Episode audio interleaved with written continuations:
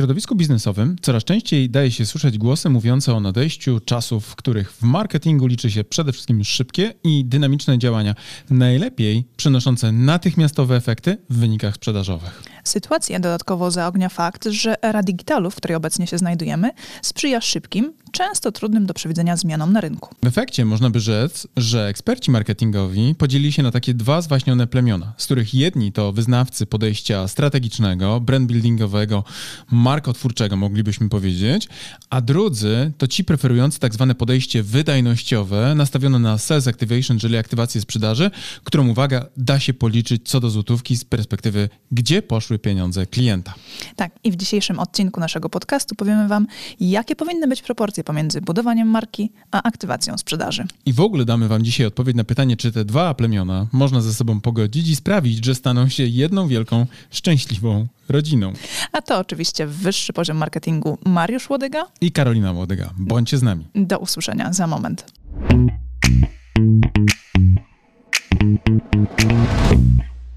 Cześć Mariuszu. Cześć Karola. Jakie plemiona ostatnio godziłeś ze sobą? Wiesz co, mam wrażenie, że ciągle tkwię jednak w swoim własnym i próbuję najeżdżać terytorium drugiego plemienia, wiesz, i ciągle trwają walki. Jeszcze nie do końca jesteśmy pogodzeni. To znaczy, Mhm. wiem, co powinno prowadzić do e, procesu pokojowego, znam tę mapę drogową, ale nadal, jak tylko jest okazja do zdjęcia małego skalpu, to why not? I co potem z nimi robisz? Gdzie je wywieszasz? Przechowuję. Mam taką specjalną półeczkę, gdzie trzymam po kolei te wszystkie skalpy jako trofea marketingowe, które zdobyłem na polu walki. Okej, o- oczywiście od razu mi się skojarzyło to z odcinkiem, który ostatnio oglądaliśmy po raz kolejny, Gry o Tron. Właśnie ta scena, gdzie były różne ludzkie twarze umieszczone na takich wielkich kolumnach, podestach. I chyba to są te twoje skalpy. To są te ci pokonani moi przeciwnicy. Mam taką specjalną półeczkę. Wygląda tak samo. Bardzo podobnie, bardzo podobnie. Ale tak zupełnie serio, e, no to faktycznie bardzo trudno jest pogodzić te dwa różne światy, czyli ten świat, który jest e, taki związany z tym e, wydajnościowym podejściem, tak, nastawionym na to, że hej, widzę kliki i mówię, że mam wyniki, a tym, które mówi, hej, nie wszystko da się precyzyjnie pomierzyć, a już na pewno nie w perspektywie jednego miesiąca, bo to jest praktycznie rzecz biorąc niemożliwe, plus wymaga trochę bardziej skomplikowanej maszynerii do pomiarów, bo na przykład dedykowanych badań marketingowych, a jak sama doskonale wiesz, będąc badaczką marketingową, e, poszukiwaczką insightów, e, wcale niekoniecznie jest to podane łatwo na tacy.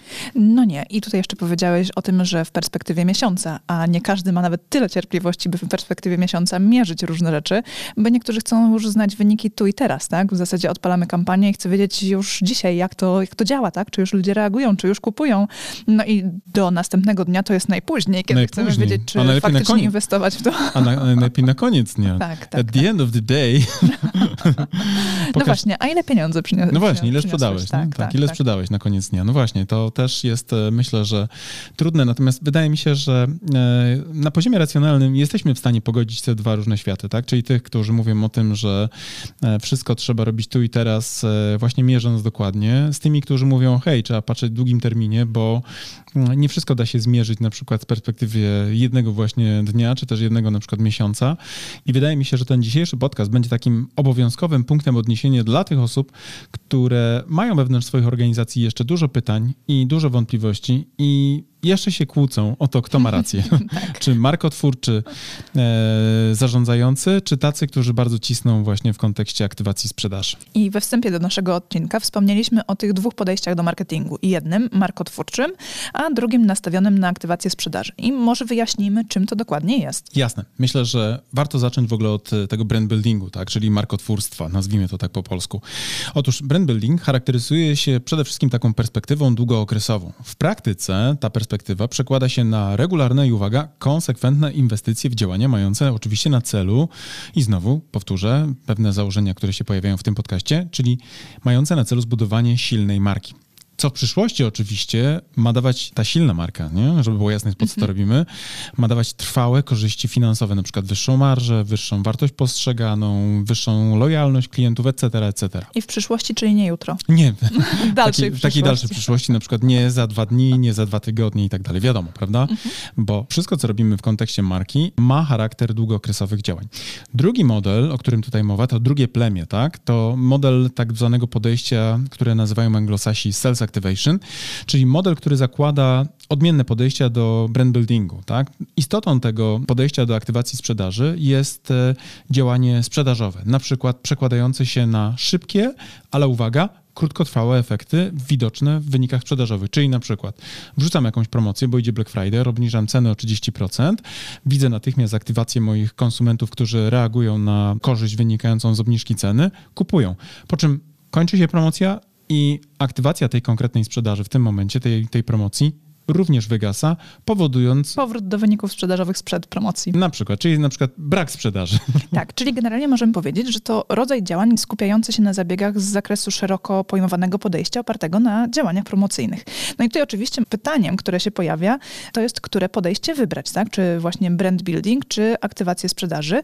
I od razu odpowiem, bo powiedź jest prosta generalnie oba. To już pewnie wiecie już nawet ze wstępu naszego I odcinka. I jeszcze można dodać, to zależy. Plus ja jeszcze może dookreślę, że jeśli mówimy o, o sales activation, czyli tej aktywacji sprzedaży, to nie jest tylko i wyłącznie mówienie o promkach, tak, typu 30% mniej albo 15%, czyli Black Monday czy Black Friday nie są jedynymi okazjami, o których tu myślimy, bo sales activation ma na, ma na celu również wskazanie tak naprawdę racjonalnych powodów do zakupu, tak, czyli jeżeli mówimy o sales activation, to jest na przykład jakaś e, komunikacja stricte sprzedażowa, ale niekoniecznie mówiąca tylko i wyłącznie wyłącznie językiem rabatu.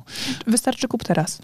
E, na przykład. Nie? To już trochę trywializujemy ten, mhm. ten schemat, ale e, może być bardzo mocno racjonalna informacja o tym, że hej, mamy na sprzedaż nasze usługi jesteśmy do kupienia. To jest typowa aktywacja sprzedaży, tak? Bo ktoś może na przykład być w takim e, schemacie, w którym myśli, że jeżeli tylko mówimy o aktywacji sprzedaży, to tylko w kontekście dawania srogich rabatów. A tu chodzi o to, żeby też pamiętać o tym, że mm, to nie jest tylko i wyłącznie rabatowanie, to jest po prostu zwyczajne mówienie w sposób taki bardzo e, racjonalny o tym, że coś jest na sprzedaż. Może być również perswazyjny język też wykorzystywany w tej całej komunikacji. To nie musi być hej, kup teraz, mm-hmm. bo mam na sprzedaż e, stok magazynowy. Chodzi o to, żeby rozumieć, że od e, brand buildingu odróżnia sales activation to, że brand building ma na celu budowę skojarzeń z marką, tych emocjonalnych konotacji, tych wszystkich rzeczy wizerunkowych, które się tworzą, które niekoniecznie są właśnie nacechowane mówieniem o sprzedaży. Jakbyśmy Bezpośrednio, spo... czyli tak. wyobrażając to sobie, idzie Mariusz na konferencję, jest prelegentem, tak. występuje na,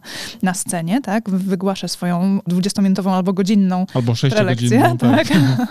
wpisz, wpisz czas. Tak, i wszyscy na sali sobie myślą, kurczę, ale fajnie, tego nie wiedziałem, to jest super, fantastycznie, muszę śledzić ale gość, tego faceta, ma wiedzę, tak, no, muszę go śledzić, wiedzę. muszę go obserwować w mediach społecznościowych, dowiem się od niego czegoś więcej. Tak. I teraz Mariusz schodzi ze sceny, nic nie robi i to była typowy brand, brand building, building, tak? Typowy brand building. Natomiast gdyby swoje wystąpienie zakończył informacją, słuchajcie, ale jeżeli chcecie, to ja mam na przykład jeszcze e, kurs online, możecie, możecie skorzystać ze strategii u mnie, możecie tak. coś tam zrobić, to oczywiście zapraszam do kontaktu, możemy porozmawiać później. Tak jest. I to, to, to już jest aktywacja. To już jest aktywacja sprzedaży, tak? I teraz znowu, to nie jest tak, że albo, albo, tak jak mhm. powiedziałeś wcześniej, y, łączymy te dwa sprytne podejścia, czyli na przykład nie jesteśmy tylko ekspertem, który mówi o tym, że jakieś są problemy do zaadresowania, tak, poprzez naszą wiedzę i know-how, ale również mówimy, hej, jesteśmy na sprzedaż. I ja powtarzam to bardzo często naszym klientom, którzy są w takim tyglu marek eksperckich, które często mają problem z tym, żeby właśnie powiedzieć o sobie, że hej, jesteśmy również na sprzedaż. Kiedyś pamiętam, rozmawiałem z taką kobietą, która była psychologiem, pracowała dla nas, y, jeszcze zanim z tobą pracowałem, robiliśmy wtedy projekty takie psychologiczne, doradcze dla naszych klientów w zakresie na przykład zarządzania ludźmi, zespołami, mhm. przeciwdziałaniu, wiesz, wypaleniu zawodowemu, etc. I pamiętam, jak ona powiedziała, jak powiedziałem, wiesz co, ale musisz być bardziej e, nastawiona w jej komunikacji, bo tak trochę gadaliśmy o co, co ona by mogła zrobić lepiej, żeby sprzedawać więcej. Mhm. To mówiłem, że musisz po prostu być bardziej aktywna w kontekście sprzedażowym. A ona powiedziała, wiesz co, ja nie będę się prostytuować. Użyła dosłownie tego słowa, wiesz, to mnie... To powiem ci, że pani psycholog powinna przepracować pewne tematy. Przepracować pewne... Skąd akurat ta fraza się pojawiła, tak. nie? No właśnie, ale miała taką odpowiedź, wiesz, która mi utkwiła w głowie i to jest właśnie mylne założenie. Mylne tak, założenie. ale faktycznie często osoby, które świadczą usługi, mają problem z tym, żeby sprzedawać je. W sensie takim, że nie chcą same się, siebie sprzedawać mm, i mają problem, żeby wyjść do ludzi i powiedzieć, słuchajcie, jestem na sprzedaż. Jest, tak? Też, mój, mój, czas jest na przykład na sprzedaż, moje tak. usługi są do kupienia. Tak? tak? My jako marka, na przykład doradcza, również jesteśmy na sprzedaż. Tak? I ja uważam, że to jest oczywiście błąd, no bo jak pokazują badania też, o których za, za chwilę sobie też powiemy w toku dzisiejszego podcastu, e, właśnie unikanie aktywacji sprzedaży jest e, problematyczne, tak samo jak unikanie działań markotwórczych, bo kiedy skupimy się tylko i wyłącznie na sprzedaży, to z kolei jesteśmy takim kolejnym Słupem ogłoszeniowym. Słupem ogłoszeniowym, który mówi kup, kup, kup, na co się konsumenci wyłączają. A z drugiej strony, kiedy tylko staramy się budować tą markę eksperta jako marka, tak, bo to niezależnie, czy będziemy marką taką usługową, jak my na przykład staramy się być, bo możemy być marką ekspercką w zakresie sprzedaży jakichś produktów, tak, i tam po prostu nasi eksperci zabierają głos w procesie doradczym, tak, i tam się uzewnętrznia na przykład ta ekspertyza. Skupianie się tylko na jednym albo na drugim powoduje duże problemy. I teraz chciałbym, żebyśmy sobie zapamiętali to, że generalnie rzecz biorąc, musimy właśnie umiejętnie tworzyć e, markę, ale z drugiej strony też musimy cały czas pamiętać o tym, że e, marka musi również być w sposób racjonalny komunikowana jako możliwa do kupienia. No tak, i już wiemy, że trzeba to łączyć, tylko diabeł tkwi w szczegółach. I teraz pytanie, w jakich proporcjach łączymy te oba podejścia, tak? Czy to jest 80 do 20, czy 50 do 50, czy w ogóle, nie wiem, 10% to jest budowanie marki, a 90% to jest aktywacja sprzedaży, czy odwrotnie? To jest dobre pytanie, na które znalazł odpowiedź Les Binet i Peterfield. Oni jako tacy, bym powiedział, światowej klasy eksperci, którzy zajmują się badaniem efektywności działań marketingowych, tak, efektywności reklamy, znaleźli tą odpowiedź dla nas i dają nam konkretną, jasną wskazówkę. Otóż jeśli chodzi o proporcje pomiędzy mówieniem o tym brandotwórczym podejściu, tak, brand buildingowym versus e, sales activation, to proporcje są mniej więcej 60 do 40, tak, czyli generalnie 60% jakby wysiłku. Czyli 60% twojego wystąpienia na konferencji to jest to, co ty, co ty wiesz i przekazujesz wiedzę, a 40% to jest, co możesz zrobić? wiesz co, ja się śmiejesz, ale jak ja na przykład prowadzę szkolenia, to y, większość ludzi rozumie podczas moich wystąpień, że jestem również na sprzedaż. E, wiesz, czasami anegdotą przeplatam, tak, mhm. bo na przykład, nie wiem, opowiadam o jakichś tam, nie wiem, kampaniach politycznych, gdzieś tam pokazuję przykłady stosowania różnych technik marketingowych z poziomu myślenia takiego strategicznego i mówię, jestem apolityczny i jakbyście potrzebowali, to jestem na wynajem, nie? I puszczam oko, nie? I musi być naprawdę ktoś kompletnie nieogarnięty, żeby nie zrozumiał tak subtelnej komunikacji. Oczywiście trochę żartuję, ale trochę nie, bo faktycznie e, za każdym razem, kiedy e, mam okazję do do właśnie chociażby wystąpień takich szkoleniowych czy konferencyjnych, świadomie tak, projektuje przekaz w taki sposób, aby dać do zrozumienia, że w razie czego ktoś może tą szlachetną wiedzę, którą mam w zanadrzu, również kupić i zastosować u siebie. Więc tak, to jest, to jest takie podejście, które pewnie byłoby wskazane. Natomiast oczywiście są wyjątki jakieś takie, to znaczy, jeżeli idziesz na konferencję, to nie możesz zaczynać, cześć, nazywam się Marżudyga i mam e, dzisiaj do, za, do sprzedania wam Opla. Opla. Jeżdżony przez kobietę, tak. tak. Niemiec w ogóle płakał, jak wystawiał na sprzedaż żony auto mhm. i tak, tak dalej. Tak, Wiadomo, tak, nie? Tak, tak, tak, Musisz to robić z głową i na tym właśnie polega później ten cały ambaras, żeby dobrze zaprojektować wytyczne pod komunikację i żeby te dwa plemiona, tak, czyli ci, którzy widzą wyniki sprzedażowe, tak, i rozliczają się w krótkim okresie czasu, mieli powody do zadowolenia, no i ci, którzy na przykład mierzą siłę marki i patrzą na to na przykład, jaka jest siła oddziaływania tego brandu na e, konsumentów, żeby również nie mogli powiedzieć, hej stary, ta ostatnia promka w Lidlu tak? Zarżnęła nam brand, dziękuję ci, e, pozdrawiam. Nie? Tak, tak, tak, tak, tak. A bywały takie przecież case'y, takich e, kolabów, które były nakierowane na tu i teraz, na szybką właśnie aktywację sprzedaży z pompowaniem wyników mhm. E, przed na przykład wejściem nowego inwestora, żeby pokazać, że marka ma przychody wysokie, no a potem generalnie rzecz biorąc nagłe spadki, bo co? Bo właśnie jak zarżniesz markę, to potem się okazuje, że konsumenci co? Idą tam, gdzie na przykład widzą pewne rzeczy bardziej, bardziej wyraziście, bardziej, bardziej doceniają pewne aspekty związane właśnie z wizerunkiem danej marki. Dokładnie. I teraz tak, powiedziałeś o tych proporcjach 60 do 40, no ale zakładam, że nie jesteśmy po pierwsze w stanie wyliczyć tego, wiesz, z idealną proporcją, z wagą w ręce i, i wyznaczyć, które działania są 60% na budowę marki, a 40% na aktywację sprzedaży. No i zakładam, że tutaj może być minimalna, tam nie wiem, 59 do 41, tak, wahnięcie. Natomiast zapewne to nie jest tak, że każda marka musi stosować te reguły. Są pewnie różne różnice w zależności od tego, y, jaką marką jesteśmy, co robimy. Tak, to jest też świetne pytanie, bo to są uogólnione wyniki, te 60 do 40 ta zasada, tak? Ona jest trochę kontrintuicyjna, bo większość y, ludzi w biznesie będzie mówiło, że ich podstawowym problemem nie jest to, że ludzie nie mają skojarzeń emocjonalnych z brandem, tylko na przykład brak uznań na koncie. W związku z tym będą bardziej skłonni do podejmowania działań stricte e, aktywujących sprzedaż, zapominając, że aktywacja sprzedaży e, bardzo lubi, kiedy jest powiązana właśnie z pewnymi właśnie skojarzeniami, tak? Czyli na przykład idę, nie wiem, zdaję zdaję sobie sprawę z tego jako konsument, że potrzebuję nowego komputera, to zanim dokona się aktywacja mojej karty kredytowej, która mhm. ma być źródłem finansowania, to przecież w głowie pojawi się pytanie, jaki komputer? Ano taki, który lubisz, na którym lubisz pracować, z systemem operacyjnym, który ci odpowiada. I e, rozumiemy, nie? że mhm.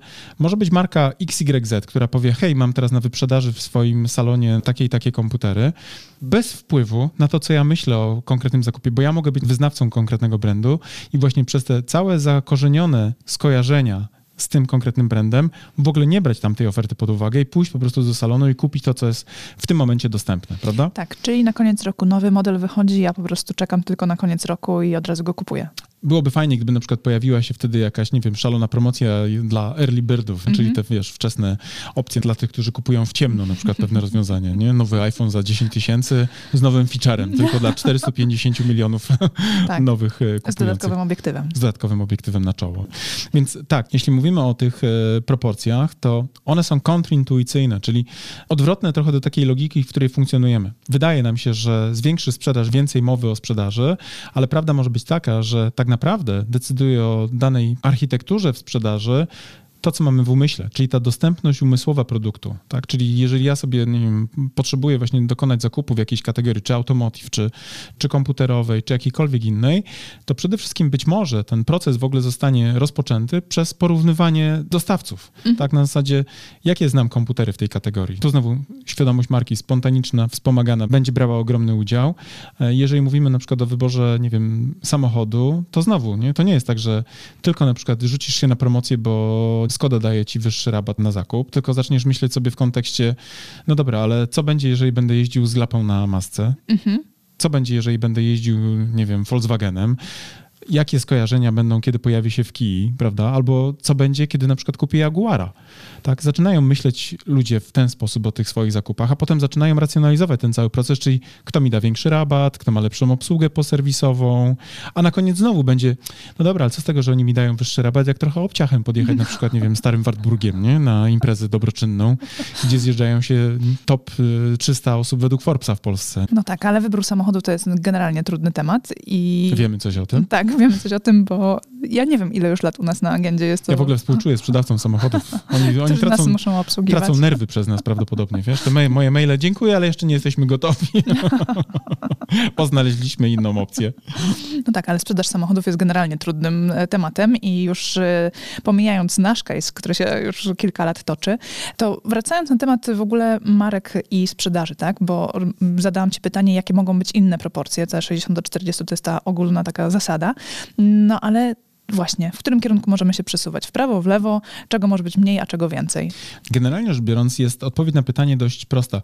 Jeżeli chcesz e, zwiększać udziały rynkowe, jeżeli chcesz e, budować siłę marki, tak, i masz długookresową chęć pozostania w biznesie, to te proporcje powinny być e, nie mniejsze niż 60 do 40, jeśli chodzi o przewagę markotwórczego podejścia do typowo aktywującego sprzedaż. Chociaż bywają kategorie, na przykład takie, które są dość mocno, jak ja to nazywam, łatwe w searchu, tak, albo obfite w searchu. I już wyjaśniam, co mam na myśli. To znaczy, są takie pewne kategorie produktów, gdzie jest bardzo duża liczba zapytań w online, tak, czyli ktoś na przykład bardzo często stosuje zapytanie e, w wyszukiwarce e, pod jakimś kątem i jest bardzo duża rotacja tam. Nie są to niszowe, to są takie mainstreamowe jakieś tam powiedzmy kategorie produktowe. To tu znowu kontrintuicyjnie powinna być proporcja nawet 80 do 20 na markotwórcze rzeczy. Dlaczego? No bo jeżeli jest kategoria bardzo popularna, to jest również ryzyko, że jest skomodytyzowana, a co jest bardzo często powiązane z takim zabójcą marek. Tak, commodity jako coś w umyśle grupy docelowej to jest towar, tak? To jest e, ten cukier na półce sklepowej, nazwijmy to. Tak, czyli musimy sprawić, że zamiast e, użytkownik, który się da do wyszukiwarki i szuka proszku do prania, tak. żeby po prostu wsiadł i szukał po prostu już konkretnego, tak. konkretnej marki kategorii nie myślał proszek za, nie wiem, 12 zł za opakowanie. Teraz pewnie wyszedłem na Kaczyńskiego, który nie zna cen. Rozumiemy, nie? Że zamiast myślenia o tym, jaki proszek w jakiej cenie, to żeby myślał w kategorii, czy na przykład kupię wizir, czy kupię jakiś tam inny produkt, który mam w głowie jako numer jeden. Się śmiejesz znowu ze mnie, bo to nie ja kupuję płyny do... Po pierwsze nie kupuję proszku, tylko kupuję płyny. Tak. No wiem, bo czasami robię te pranie, ale z ręką na sercu nie wiem, co my tam mamy za płyn. Jest jakaś butelka. Jest jakaś butelka. No, no właśnie, dla mnie to jest czyste commodity, tak? Ale to ty kupujesz, nie? Tak. Ale zmierzam do tego, że w sytuacji, w której jest bardzo dużo identycznych produktów, tak? Bo kategoria jest bardzo konkurencyjna, to wygrają te marki, które mają jeszcze możliwość i siłę, i budżet, i te przełożenie, żeby właśnie wbić do głowy, że jak myślisz o praniu, to myślisz tylko i o tym wyłącznie produkcie, o tym rozwiązaniu. Ładny wierszyk mi wyszedł. Tak, bardzo ładny. Bardzo ładny, nie? Jak myślisz o praniu, to myślisz o naszym rozwiązaniu. Wizjer, kup teraz. Ta, razu nie, to nie jest współpracowy podcast. Chciałam powiedzieć, że nie mamy współpracy z Wizjerem i nie mamy na Moglibyśmy, sprzedaż no moglibyśmy, ja taki I czyściutki nie jestem. korzystamy w ogóle z Nie korzystamy. aczkolwiek e, przychodzi nam pierwsza nazwa do głowy, kiedy Mi, myślimy ten, ten to inny przychodzi. Co ty kupujesz? Na ofiu mi powiesz. Na ofie, tak. Nie będziemy tutaj teraz Nie będziemy, nie, bo nam nie płacą. Bo nam nie płacą, nie Jak ma chcą zapłacić, to niech zapłacą i wtedy powiemy, czy w czym bierzemy. No dobrze, ale to teraz już wiemy, że w kategoriach, które są mocno wyszukiwane w wyszukiwarce, searchowane, w sensie sama kategoria, a nie nazwa marki, to tam ta działania brand buildingowe powinny mieć ten udział 80% mniej więcej do 20% na aktywację sprzedaży.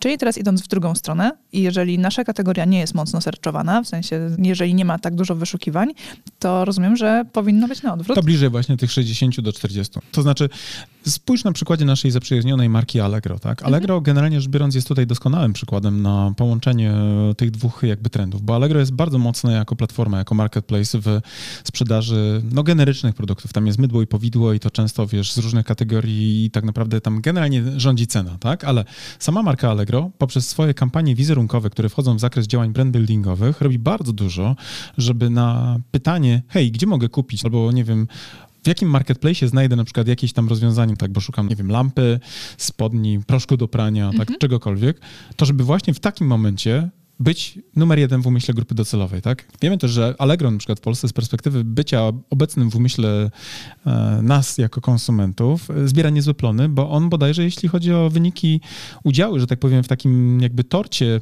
wyszukiwarkowym, bodajże stanowi 30% wszystkich zapytań. Tak, takich zapytań e, ściśle produktowych, Tak. do, związanych z zakupem, tak? To faktycznie e, użytkownicy w pierwszej kolejności e, siadają właśnie do Allegro, a nie do Google'a, tak? W sensie wydawałoby się, 30% nie, że Google- tak, siada do, do Allegro i szuka od razu produktu, a nie w Google. I teraz Potem tak, jest tylko 18%. ile mamy kampanii reklamowych realizowanych przez Allegro po to, żeby znaleźć się właśnie w umyśle grupy docelowej numer jeden, tak? Robimy te kampanie z dziadkami.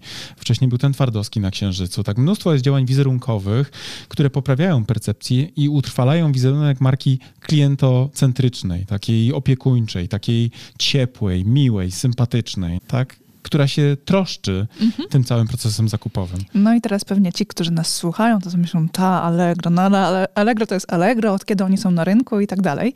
No ale Allegro też kiedyś zaczynało, tak? Tak jest. Też kiedyś przechodziło przez e, wiele różnych sytuacji rynkowych i bi- biznesowych i markowych e, i generalnie doszło do sytuacji, w której jest w tym momencie, ale właśnie dzięki budowaniu swojej marki i aktywacji sprzedaży.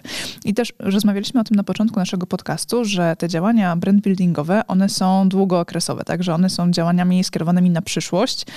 I to tam A nie na weekend. przyszłość, tak, trochę dalszą niż jutro, czy Tak, weekend, czy nawet najbliższy miesiąc.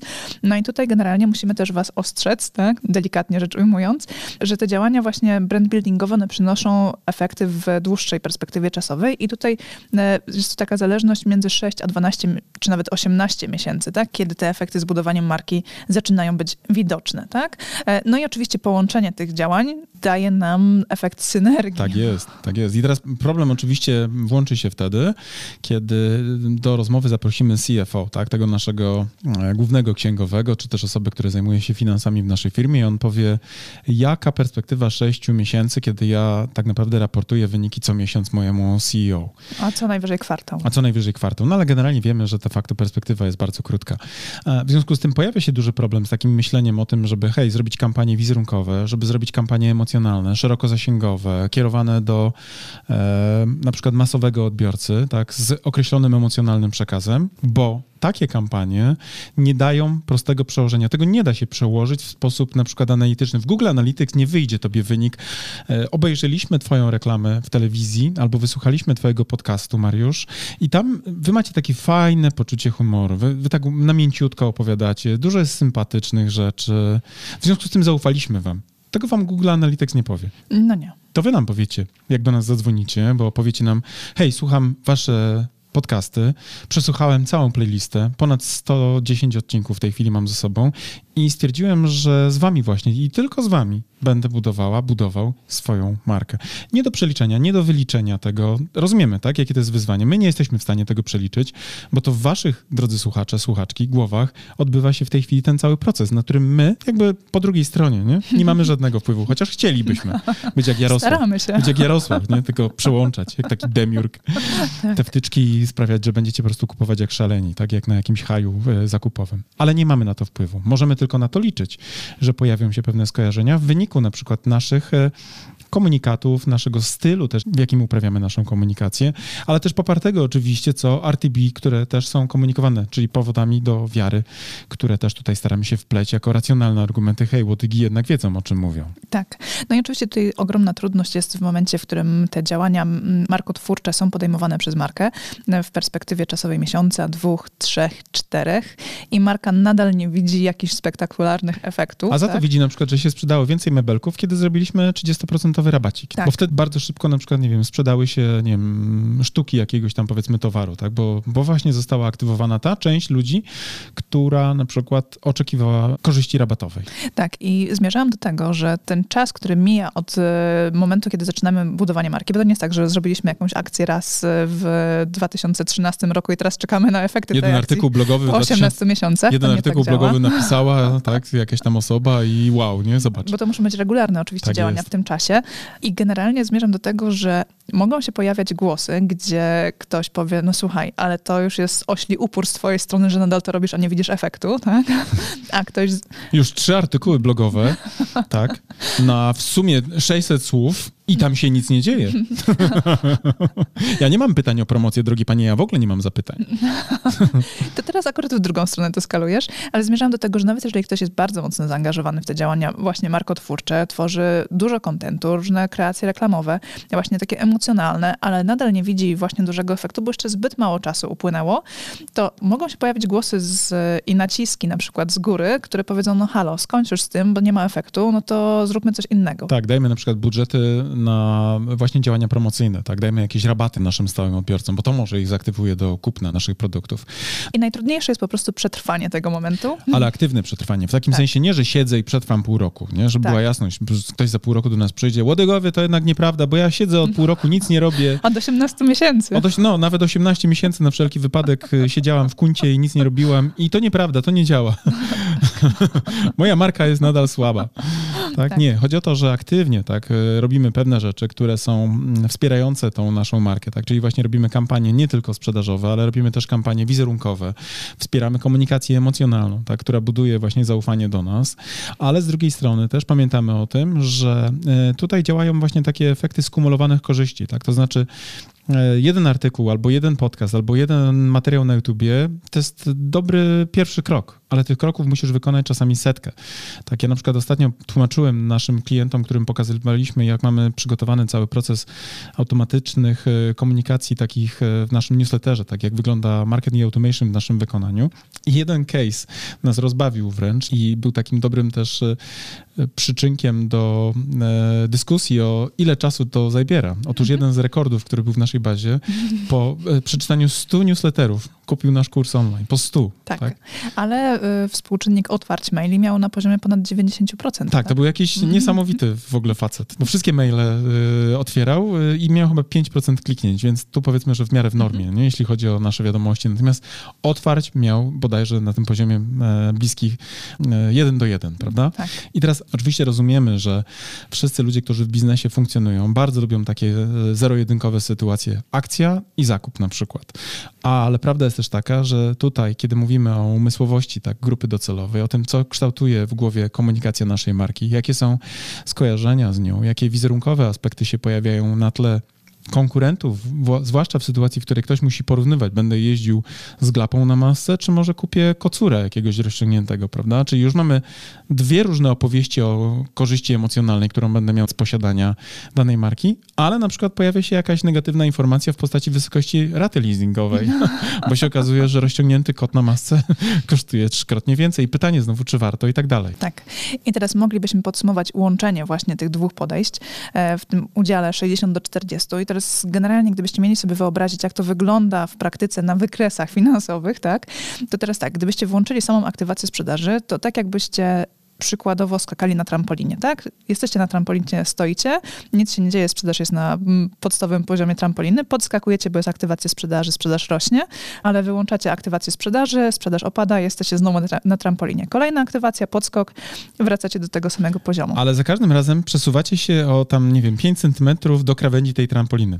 E, tak. I po czwartym podskoku nagle okazuje się, że marka... nie macie siły już. To znaczy, co więcej, grawitacja zaczyna działać, nie? Czwarty raz podskakujecie na przykład i już już nie spadacie z powrotem na tą trampolinę elastyczną, która wam dawa lekkie odbicie, ale co robicie? No każdy, kto widział zawody sportowe, tak, polegające na skoku z trampoliny, wie, że... To jak dobrze się odbijecie, to spadniecie na trawę, jak nie, to na krawędź na trampolinę. Albo wpadniecie do basenu, tam na przykład, nie wiem, 10 metrów poniżej, tak? I z marką, która tylko i wyłącznie mówi o tym, hej, kup teraz, bo mam promkę, bo mam promkę, bo mam promkę, to za każdym razem tracimy nieco tej siły naszej marki. Trochę przeceniamy ją właśnie w umyśle grupy docelowej i przesuwamy się niebezpiecznie w stronę tej krawędzi, która prędzej czy później może zaowocować takim zanurkowaniem. I na przykład co? Zjechaniem z marżą naszego biznesu do takiego poziomu, w którym na przykład co? Okazuje się, że nie ma już siły finansowej do dalszego trwania, bo tracimy na przykład płynność. Plus faktycznie musicie mieć cały czas bardzo dużo siły, żeby non-stop się odbijać, tak? tak bo jest. to jest jednak e, wymagające. Wysiłek, wysiłek. Nie tak. bez powodu ci skoczkowie z trampoliny są szczupli i dobrze przygotowani. Tak. To są przekoty, nie? Fizycznie są naprawdę dojechani. Tak, i teraz połączenie tego z budowaniem marki daje wam takie poczucie, jakbyście na tej trampolinie skakali, owszem, ale tę trampolinę co chwilę wam by ktoś podnosił do góry o krok dwa, tak? W sensie takim, albo gdybyście skakali z jednej trampoliny na drugą, która jest ustawiona wyżej. Tak. I wasze poziomy sprzedaży po prostu co chwilę rosną, bo jesteście na coraz wyższej trampolinie. I skaczecie jak taki kangur, tak. coraz wyżej, coraz wyżej, coraz wyżej do tego upragnionego szczytu. Tak, dokładnie tak. Ale zgrabnie żeśmy te, pomieszali te metafory. Ja jestem w ogóle ciekaw, czy w ogóle ktokolwiek widział kangura na basenie skaczącego. Ja nie, wiem, nie wiem, czy mam akurat basen, nie? Ja widziałam same trampoliny. A, bo ty widziałeś taką trampolinę ogrodową Tak, pewnie. tak. A ja tak. widziałem trampolinę, wiesz, taką z basenu. Bo ty widzisz okay. nasze, nasze dziecko, wiesz, w ogrodzie u sąsiadów na trampolinie. A ja widzę, wiesz, skoczka do basenu, który prędzej czy później runie do tej wody.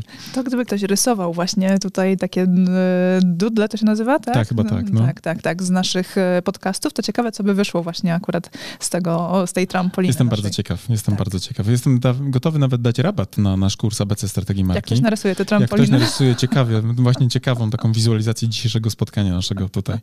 Chociażby tej końcowej części z trampoliny. Chociażby tak. tak. No, no, czekamy na wasze kreacje. Więc tak, e, podsumowując trochę nasze dzisiejsze spotkanie. Pamiętajcie, działanie typowo e, związane z mm, takim jednowymiarowym podejściem, tak? Czyli na przykład albo tylko budujemy markę, tak, rozumianą jako, jako właśnie takie działania na mięciutko, takie, które są związane z tą emocjonalną całą stroną naszego biznesu, versus działanie związane z mówieniem, hej, mamy na sprzedaż tu i teraz jakiś produkt, e, jest błędne. Powinniśmy łączyć te dwa podejścia w dobrych proporcjach, które Les Binet i Peter Field określają wskaźnikiem 60 do 40, tak? Czyli 60% powiedzmy budżetu i też wysiłku w stronę E, markotwórczych działań i 40% w stronę działań związanych z aktywacją sprzedaży. Tak, no i tutaj pamiętajcie, że te mm, działania i inwestycje wyłącznie w rozwiązania krótkoterminowe są po prostu prostą drogą do problemów z utrzymaniem płynności finansowej, no bo to jest taka ciągła walka o przetrwanie, tak? Cały czas musicie mieć siłę, żeby się znowu wybić z tej trampoliny, tak? Żeby wylądować i potem znowu mieć pomysł na kolejne wyskoki i kolejną siłę finansową. Tak jest. A jak źle się odbijecie i zabraknie wam tej pompy, to możecie polecieć nie tam, gdzie chcecie i na przykład się, krótko mówiąc, zderzyć z gruntem. tak, dokładnie tak. Warto też pamiętać, że takie podejście stuprocentowo nakierowane na wydajność e, może być e, negatywne, jeśli chodzi o wynik efektywnościowy. I już tłumaczę, o co mi chodzi.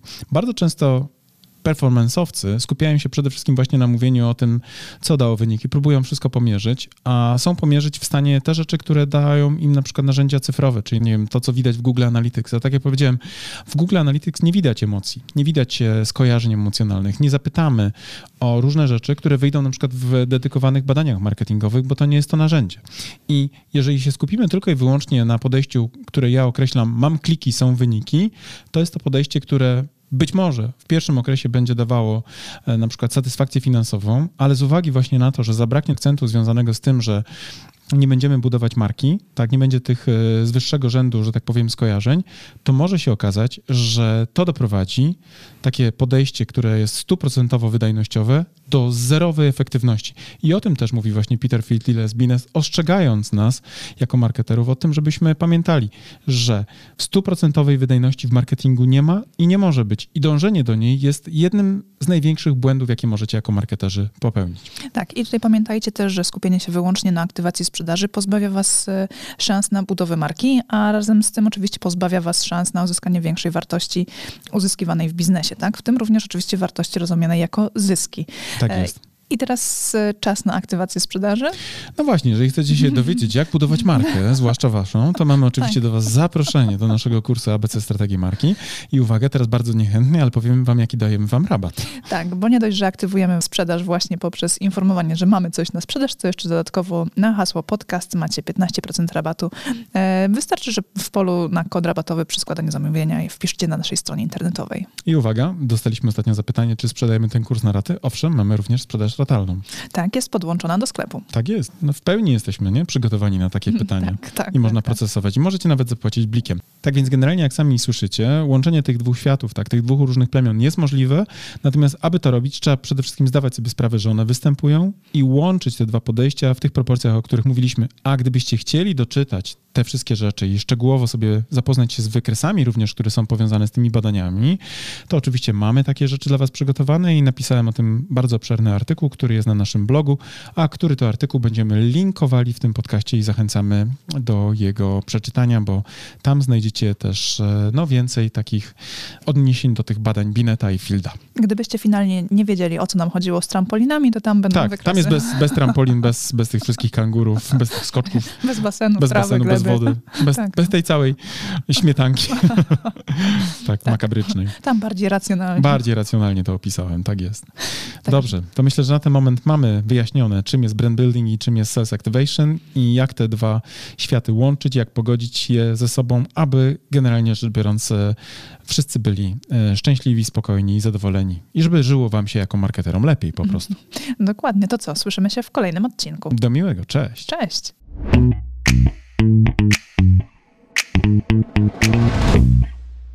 No dobra, to na tyle w dzisiejszym odcinku wyższego poziomu marketingu. A teraz pozwólcie, drodzy słuchacze, że powiemy Wam, dlaczego warto pójść na następny poziom, czyli skorzystać z naszego kursu ABC Strategii Marki. Tak, bo jak wiecie, to po pierwsze macie już do niego kod rabatowy 15%, a po drugie ten kurs i wiedza z niego pozwoli Wam wejść na wyższy poziom marketingu z Waszą marką i dzięki niemu opracować strategię dla Waszej marki. I to jest oczywista oczywistość, prawda? Tego byśmy nawet nie musieli mówić, gdyż już na pewno wiecie. Natomiast to, co nie jest pewnie dla Was jasne, to to, z jakich elementów składa się ten kurs, prawda? Pierwszy taki, najważniejszy, od którego zawsze wychodzimy, który, uwaga, jest najmniej pewnie spektakularny, no bo wiąże się przede wszystkim z tą robotą w okopach, czyli analizą, prawda? To jest ten pierwszy obszar, który jest naprawdę niezwykle istotny. Dzięki naszemu kursowi APC Strategii Marki będziecie wiedzieli, jak zrobić badanie marketingowe, które pozwoli Wam określić to, co nazywamy fachowo consumer insightem, czyli insightem konsumenckim, albo inaczej mówiąc po polsku, po prostu tak jak należy, patriotycznie, co jest potrzebą konsumenta. Tak, ale też y, ten kurs pozwoli Wam przejść do drugiego etapu, czyli etapu strategicznego i opracować strategię Waszej marki, czyli znaleźć też unikalne pozycjonowanie dla Waszej marki. No oczywiście jak to zrobić, dowiecie się z kursu, natomiast zaręczam Wam, że ta wiedza, która jest w tym kursie przedstawiona, zdecydowanej większości z Was pozwoli naprawdę zdystansować się od Waszych konkurentów i po prostu zwyczajnie zarabiać więcej. A skoro już będziecie wiedzieli, jakie macie unikalne pozycjonowanie przyjąć dla Waszej marki, to też z, z naszym kursem dowiecie się, w jaki sposób docierać do Waszych odbiorców, by w ich umysłach zbudować właśnie to odpowiednie pozycjonowanie. Będziecie wiedzieli, jak tworzyć wizerunek waszej marki, będziecie wiedzieli również, jak mierzyć postępy, a to wszystko, o czym teraz mówię, tak naprawdę zawiera się w tej części, którą my jako strategzy nazywamy strategią komunikacji marki. Także ten nasz kurs, jako jedyny chyba na rynku w Polsce, bo ja nie spotkałem jeszcze tak kompleksowego podejścia, pozwoli wam nie tylko mówić o tym, co komunikować, ale również dlaczego komunikować i do kogo, co pewnie jest najważniejsze. Oraz gdzie komunikować. Tak, i jak mierzyć oczywiście wszystkie aspekty i nie tylko te performance'owe typu kliknięcia w link, ale również to, co mają w umysłach i w głowach i w sercach wasi klienci. Generalnie ten kurs posiada bardzo, bardzo dużo informacji na temat tego właśnie w jaki sposób, gdzie i co komunikować. I jeżeli chcecie się dowiedzieć dokładnie, co jest zawarte w naszym kursie, to zapraszamy na naszą stronę internetową. Natomiast z mojej strony mogę wam powiedzieć, że z czystym sumieniem go polecam jako współautor, ale też jako człowiek, który bardzo często wraca merytorycznie do tego kursu, bowiem nawet dla mnie, jako do człowieka, który pracuje na co dzień, ta wiedza, którą tam zebraliśmy, jest fundamentem, do którego ja też często wracam, kiedy potrzebuję pewne rzeczy sobie przypomnieć. A jak to robię? Przede wszystkim za pomocą własnej prezentacji, bo w tym kursie nie tylko jest treść wideo, ale również macie mnóstwo bardzo wartościowych załączników, chociażby na przykład 512-stronnicowa prezentacja ale uwaga, niech to was nie przeraża, ponieważ te slajdy są zrobione w sposób bardzo przyjemny i w taki sposób, że nie są przesycone treścią, a z drugiej strony esencjonalnie pokazują to, co jest w tej treści najważniejsze. Tak, a z tego praktycznego punktu widzenia w kursie macie również załączniki takie dodatkowe do pracy własnej, e, z którymi możecie opracować własną strategię. Jest szablon opracowania strategii marketingowej, ale też jest przykładowa strategia naszej marki. Tak jest i ta strategia pozwoli Wam nie tylko zobaczyć, jaki jest framework, na którym my pracujemy jako strategzy, ale również zobaczycie, jak to wygląda z poziomu projektowanych założeń i będziecie mogli później na przykład przejść na nasze kanały komunikacyjne, na przykład na stronę www i też zobaczyć w ogóle, jak to działa, to co my żeśmy zaplanowali, bo absolutnie, wierzcie mi, my funkcjonujemy dokładnie według tych założeń. I nie tylko na poziomie przekazu werbalnego, ale również tego wizualnego języka, który jest podstawą właśnie opracowaną na bazie tych założeń. Tak. Zatem, jeżeli chcecie dołączyć do naszego kursu, zapraszamy na naszą stronę internetową. Jeżeli jeszcze nie jesteście pewni, również zapraszamy na naszą stronę internetową, by dowiedzieć się więcej. Bo być może my was nie przekonujemy jako autorzy, bo pewnie jesteśmy trochę nieobiektywni, ale jeżeli potrzebujecie jakiegoś dodatkowego głosu, to posłuchajcie i też poczytajcie opinie ludzi, którzy wzięli w tym kursie udział, bo myślę, że oni są faktycznie najważniejsi jako prawdziwi, z krwi i kości uczestnicy. A z mojej strony też powiem, że ten kurs jako narzędzie takie merytoryczne naprawdę pozwoli wam wprowadzić wasze marki na wyższe poziomy marketingu. To wam gwarantuję już teraz. Trzymamy za was kciuki. Do zobaczenia. Cześć. Do zobaczenia w kursie. Cześć. Thank you.